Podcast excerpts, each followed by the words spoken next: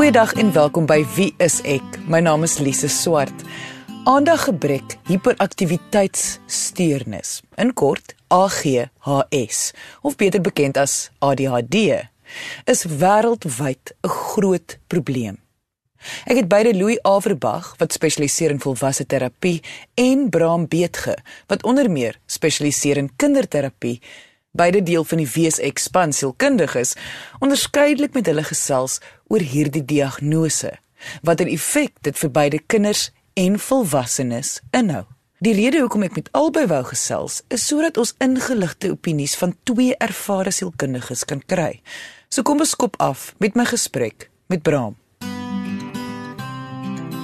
Bram, die meeste mense ken aandagsgebrek hiperaktiwiteitsstoring of AGHS as ADHD.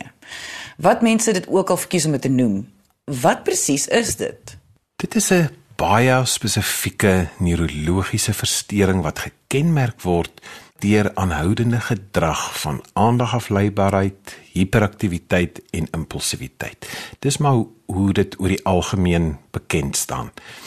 Ons moet onthou dat hierdie kinders se inligtingprosesering baie anders in die brein plaasvind as by ander kinders byvoorbeeld. So kinders met 'n aandaggebrek hiperaktiwiteitsversteuring het duidelike duidelike verskille ook in die breinstruktuur. En ons begin dit al hoe meer agterkom met al die nuwe neuroscience of die wetenskap van die breinnavorsing. Maar wat ek al agtergekom het is dat mense dink wanneer dit kom by AGHS dat dit 'n gedragsprobleem is asof die kind stout is, maar dit is tog eintlik maar 'n siekte dan. Dit word so gediagnoseer in DSM-5. So wat ons hier moet onthou lese is dat baie keer kan hierdie kinders as gevolg van al die negatiewe terugvoer wat hulle kry, gedragsprobleme ontwikkel. Maar dit is nie 'n gedragsversteuring in die sin van en ek gaan nou die Engelse term gebruik om dit net te verduidelik die conduct disorder. Dit is 'n baie ekstreme gedragsafwyking jy weet waar kinders baie antisosiale gedrag baie vroeg begin openbaar. So dit is nie daai tipe gedragsprobleme wat ons sien by kinders met die aandaggebrek hiperaktiwiteitsversteuring nie. Maar ja, hulle ontwikkel sekondêre gedragsprobleme omdat hulle ook daardeur sekere boodskappe wil deurgee vir mense. Louis, soos ek gesê het, assosieer ons AGHS, aandagsgebrek, hiperaktiwiteitsstoring, meestal met kinders. Maar as ek reg verstaan, is dit ook 'n diagnose wat by volwassenes voorkom. Verseker, dit is 'n baie algemene diagnose, maar dit is nie algemeen erken nie. AGHS is omtrent die tweede of derde mees algemene psigiatriese diagnose wat wêreldwyd gemaak word. Dit is 'n baie groot voorkoms. En naas depressie en algemene angs is dit is dit omtrent wat die wêreld nou mee sukkel, nê. En uh die voorkoms van volwasse AGHS net vir baie interessantheid in Suid-Afrika is omtrent 2 tot 4% van volwassenes. Dis baie. En om amper 4 tot 5% hiervan kom tussen die ouderdom van 30 en 50 voor. Daarvan is twee keer meer mans as vroue. En dit is baie baie mense. Jy luister na Wie is ek met Louie en Lise op RSG 100 tot 104 FM.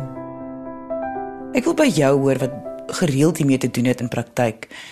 Wat ervaar 'n kind wat diagnoseerbaar is met AGHS? Dit is die fokus van die sielkundige. Want ons moet onthou dat wanneer kinders die aandaggebrek hiperaktiwiteitsversteuring het, kry hulle geweldig baie negatiewe terugvoer. By die skool, by die huis het jy alweer nie dit gedoen nie. Hoeveel keer moet ek vir jou nog dit sê? So kinders begin baie diep in hulle siege 'n tipe van 'n blueprint ontwikkel. Dat das fout met my. Ek is nie goed genoeg nie of ek is nie aanvaarbaar nie en dit is primêr wat in terapie aangespreek word.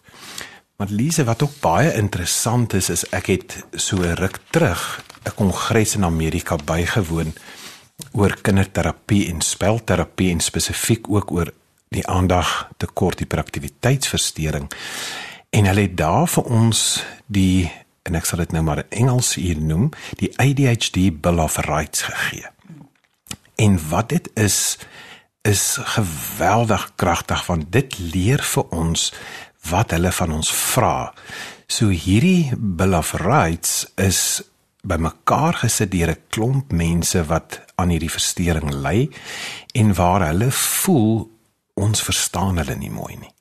Soos byvoorbeeld die eerste ding is help my om te fokus. So hulle vra vir ons om hulle te help om te fokus. Tweede een is ek het 'n behoefte aan sensoriese aanraking. Met ander woorde my liggaamsbewegings kan baie keer heeltemal heeltemal uit plek uitval. So sit jou hand op my skouer, vra my om na jou te kyk en gee vir my die instruksie duidelik. 'n Ander een is ek wil weet wat kom volgende. Gee my asseblief 'n gestruktureerde omgewing waar daar 'n roetine is wat ek kan gewoond aan raak. 'n Ander een is gee my vooraf of waarsku my vooraf dat goed gaan verander. Baie belangrike een is wag vir my ek dink nog. Nie omdat ek dom is nie, maar dit is hoe ek inligting prosesseer. En dan ook gee my asseblief spasie om goedes op my eie tyd te doen. As ek te vinnig goeders moet doen, raak ek confused en ek raak maklik upset, then I get stuck. So dan kan ek dit nie doen nie. 'n Ander belangrike een is gee vir my asseblief opsies om probleme op te los. Ek wil weet watter verskillende opsies daar is wanneer my pad geblok voel. Dit is 'n hele lys met ander woorde van die gedagtes van 'n kind met AGHS en wat hulle nodig het. En wat ek dink ouers baie sal help om beter te verstaan hoe 'n kind dan dink en voel. So ons gaan hierdie lys beskikbaar stel op ons Facebookblad onder wieisek.sa en ook op ons webwerf by wieisek.co.za. Wêreldwyd is almal se reaksie wanneer hulle hoor van AGHS dat behandeling nie nodig is nie. Dat julle sielkundiges, dokters en psigiaters wil net geld maak.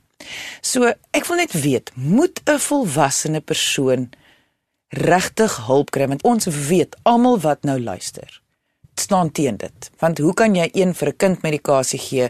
Ag, en die wêreld wil tog hê alle volwassenes moet medikasie vat. Ek wil nou weet, wat gaan gebeur indien 'n volwassene wel nie behandeling kry nie? Ja, en dit is die relevante vraag. En die antwoord geld ook vir kinders. Dit is so dat baie professionele mense baie maklik op 'n gier kan spring.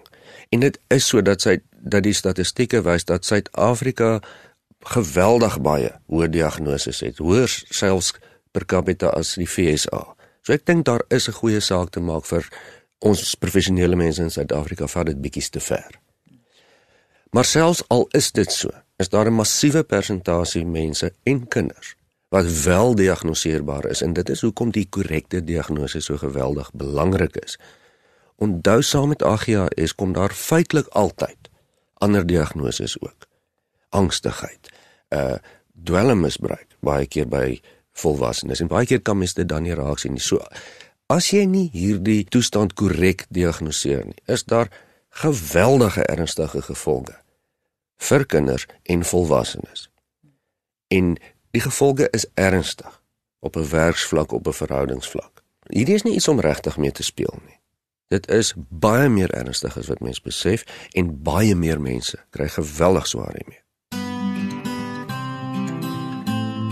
Bram, een van jou vele spesialiteite is sandplay terapie, 'n hoogs gespesialiseerde terapie in die behandeling van kinders. Luisteraars wat meer wil weet hieroor, kan op ons webwerf gaan kyk wat hierdie sandplay terapie presies is. Dit is wieisek.co.za. Maar Bram, is dit nie 'n soort terapie wat 'n kind met AGHS kan help nie? Lise, dit is my passie en ek is baie lief daarvoor, maar as 'n mens kyk na AGHS spesifiek, kan jy met in baie gevalle nie net Jungian sandplate terapie doen nie. Baie kinders met AGHS het wat ons noem 'n direktiewe spelterapie benadering nodig. So jy werk baie direk aktief met van die simptome. Daar's interessante speletjies, uh terapeutiese speletjies wat jy met hulle speel. Die een is byvoorbeeld stop, relax and think. Ehm um, hulle is baie lief om terapeutiese uh spel te gebruik om van hierdie simptome te begin bestuur vir hulle self. So ek gebruik altyd 'n kombinasie van direktiewe spelterapie en ook Jungian sandplay terapie. Ons gaan eers in my terapiekamer sit en ek gaan eers begin om vir hulle baie goeie struktuur te gee en soos ek gesê het met direktiewe spelterapie hulle eers te help dat ons van hierdie simptome meer onder beheer kry. En kinders wat dan die potensiaal het, jy weet wat regtig diep gewortelde probleme het waar hulle absolute mislukking voel in die lewe sal ek dan baie graag deur so 'n Jungian sandplay terapie proses wil vat want daar gaan hulle juis met hierdie negatiewe kognisies en persepsies wat hulle baie diep oor hulle self begin ontwikkel het. Daar gaan hulle dit kan adresseer en herprosesseer en baie verligting begin kry. Ek is vandag in gesprek met twee van wie is ek se sielkundiges, Louis Averbag en Bram Beetge, wat hul ervaring en kennis met ons deel oor die kontroversiële onderwerp AGHS, beter bekend as ADHD. Ons sit die gesprek voort met 'n vraag aan Louis. Kom ons verbeel ons ons sit nou in 'n kamer met 'n volwassene wat diagnoseerbaar is met AGHS. Wat sal ons dan sien? Ja, as jy deur die venster loer, wat jy gaan sien is iemand wat moet beweeg, wat letterlik nie kan stil sit nie. En dit is dan iemand wat sommer tussen hakies ook daarom verkies om aktiewe werke te hê. Jy sal dit nou nie kan sien nie, maar dit sal so wees. Jy sien 'n ongeduldige persoon. Iemand wat nie lekker van kan wag nou vir die afspraak nie. Uh, en waarskynlik as die persoon nou uitgaan te vinnig gaan bestuur ook nou nog. Wat gefrustreerd is. Toleransie is laag. Hoekom wag ek so lank vir hierdie afspraak? Wat gaan aan? Iemand wat oormatig praat, maklik ander mense onderbreek terwyl hulle praat en wat soms selfs toe ontoepaslike opmerkings maak. Dit glip vinnig uit. So ons het nou gepraat oor hoe die persoon sal voorkom vir mense om hulle. Maar wat ervaar die individu? Met ander woorde die volwassene. Hoe dink en voel hierdie persoon? Hulle voel gedisorganiseerd. Hulle voel vergeetachtig, wollerig. amper so asof jy jou vinger op iets wil sit maar jy kan nie regtig nie. Jy weet soos wat mens sal soek na 'n woord, maar jy kry nie die woord wat op die tippie van jou tong is nie. Dit is 'n gevoel van impulsie. Ek moet vinnig dinge doen. En hier is die ding dat mense wat sukkel met AGHS, veral volwassenes, se selfbeeld lê geweldig hieronder. Want onthou hulle kry baie negatiewe terugvoer van die omgewing af. Jy kan nie luister nie. Hoekom luister jy nie? Jy vergeet altyd dinge. Of jy's dom sonder sal die gevoel baie keer oorkom, veral as dit al van skool af kom, nê. Want dit kom van skool af. So die persoon gaan meerendeels ook sukkel met gemoedversteurings. Dit is algemeen, soos byvoorbeeld depressie of angs. En dit vorm nou hierdie negatiewe sneeubal. Dat hoe slegter jy voel, hoe minder kan jy jou werk hou, minder kan jy verhoudings hou, hoe meer slegter voel jy ensovoorts. Wanneer mense hoor van AGHS, dan spring almal se gedagtes dadelik na die wêreldwye argument oor medikasie. Dat dit verkeerd is om vir 'n kind medikasie te gee. Wat is jou opinie hieroor? Lise, ek dink mense het die reg om baie keer so te voel want ek dink soms word kinders oorgediagnoseer en ek dink jy weet dat daar sulke vla van hierdie diagnose baie keer oor 'n dorp of 'n stad trek. So dit is sodat mense het die reg om baie keer te wonder hoekom word almal nou skielik hiermee gediagnoseer. Maar my professionele opinie is nog steeds dat as dit behoorlik gediagnoseer word en 'n sielkundige en 'n kinderpsigiater of pediater is betrokke en hulle doen hulle behoorlike evaluasies en ons kom agter dat dit is regtig hierdie neurologiese verstoring dan is medikasie belangrik. Ek het al gesien wat dit doen aan kinders en 'n gesin wanneer medikasie totaal geweier word. Maar soos ek net nou gesê het, ek het ook al gesien as medikasie net gegee word en die kind is 'n bietjie hiperaktief en hulle dink dit is AGHS en dit is nie regtig nie want trauma baie keer kan so presenteer. Dit kan lyk asof die kind AGHS het, maar dis eintlik 'n trauma reaksie. Maar ek dink nie ons moet altyd onsself blind stel tot dit nie. Ek dink ons moet bly by 'n baie goeie evaluasie en dan kyk wanneer watter ander aspekte is ook in die kind se lewe betrokke. Sit ons nie dalk hier met 'n angsversteuring of 'n trauma reaksie nie. Dis natuurlik hoekom 'n professionele persoon die heel belangrikste is om die diagnose te maak. Absoluut. Ek kan dit nie meer as genoeg beklemtoon nie. Dit is nie 'n diagnose wat net deur 'n onderwyser gemaak kan word in die klas nie of omdat my tannie en haar drie kinders se kinders almal ADHS het en my kind presenteer met soortgelyke gedrag nou het hy ook nie. Net soos met kinders wat met ADHS gediagnoseer word, kry hulle vreeslik jammer, want duidelik kan hulle dit nie help om so op te tree soos wat hulle optree nie. So kan jy asseblief daarom net sê daar is vir volwassenes hulp beskikbaar. Verseker is daar hulp beskikbaar. Ons moet net eers verstaan dat AGHS ontstaan as gevolg van wanfunksionering in een of meer van vier areas van die brein.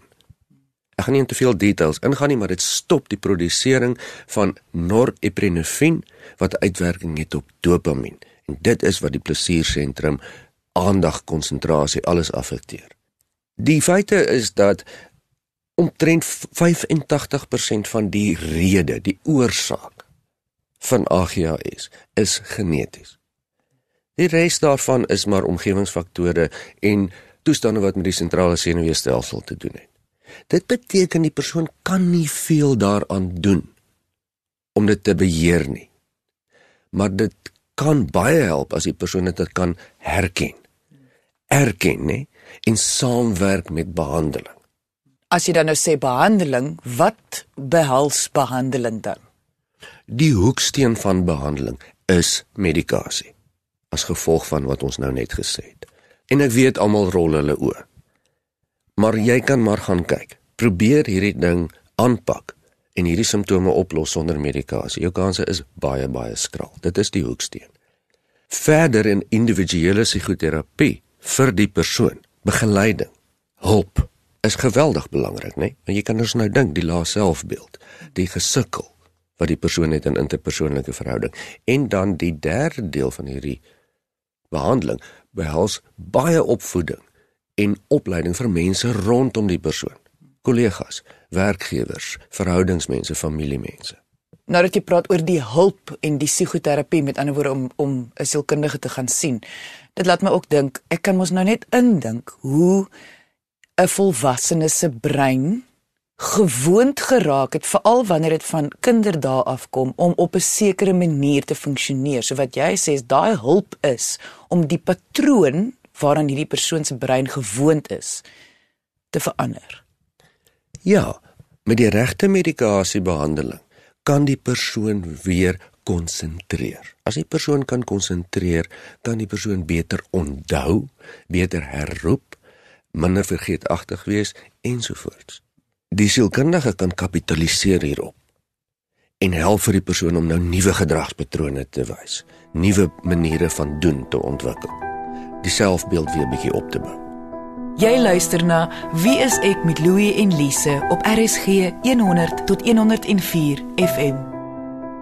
Wat is jou advies vir ouers wat vermoed hulle kind kan dalk met AGHS gediagnoseer word? Ek sal vir ouers aanbeveel om onmiddellik hulle pediater te spreek of 'n kinderpsigiater te sien en dan te vra om saam met 'n sielkundige die ondersoek te doen ehm um, sodat die sielkundige sy of haar sielkundige meetinstrumente kan gebruik die pediater of die kinderpsigiater hulle evaluasie tegnieke te gebruik en dan sal ek sorg dat 'n mens ook 'n skoolobservasie gaan doen. So jy gaan sit in in die klas en jy observeer so 'n kind se rotine in die klas en jy kyk na die gedrag en as ons dit alles bymekaar kan sit dan kan ons 'n behoorlike behandelingsplan uitwerk en 'n mens kan 'n kind se lewenskwaliteit verbeter.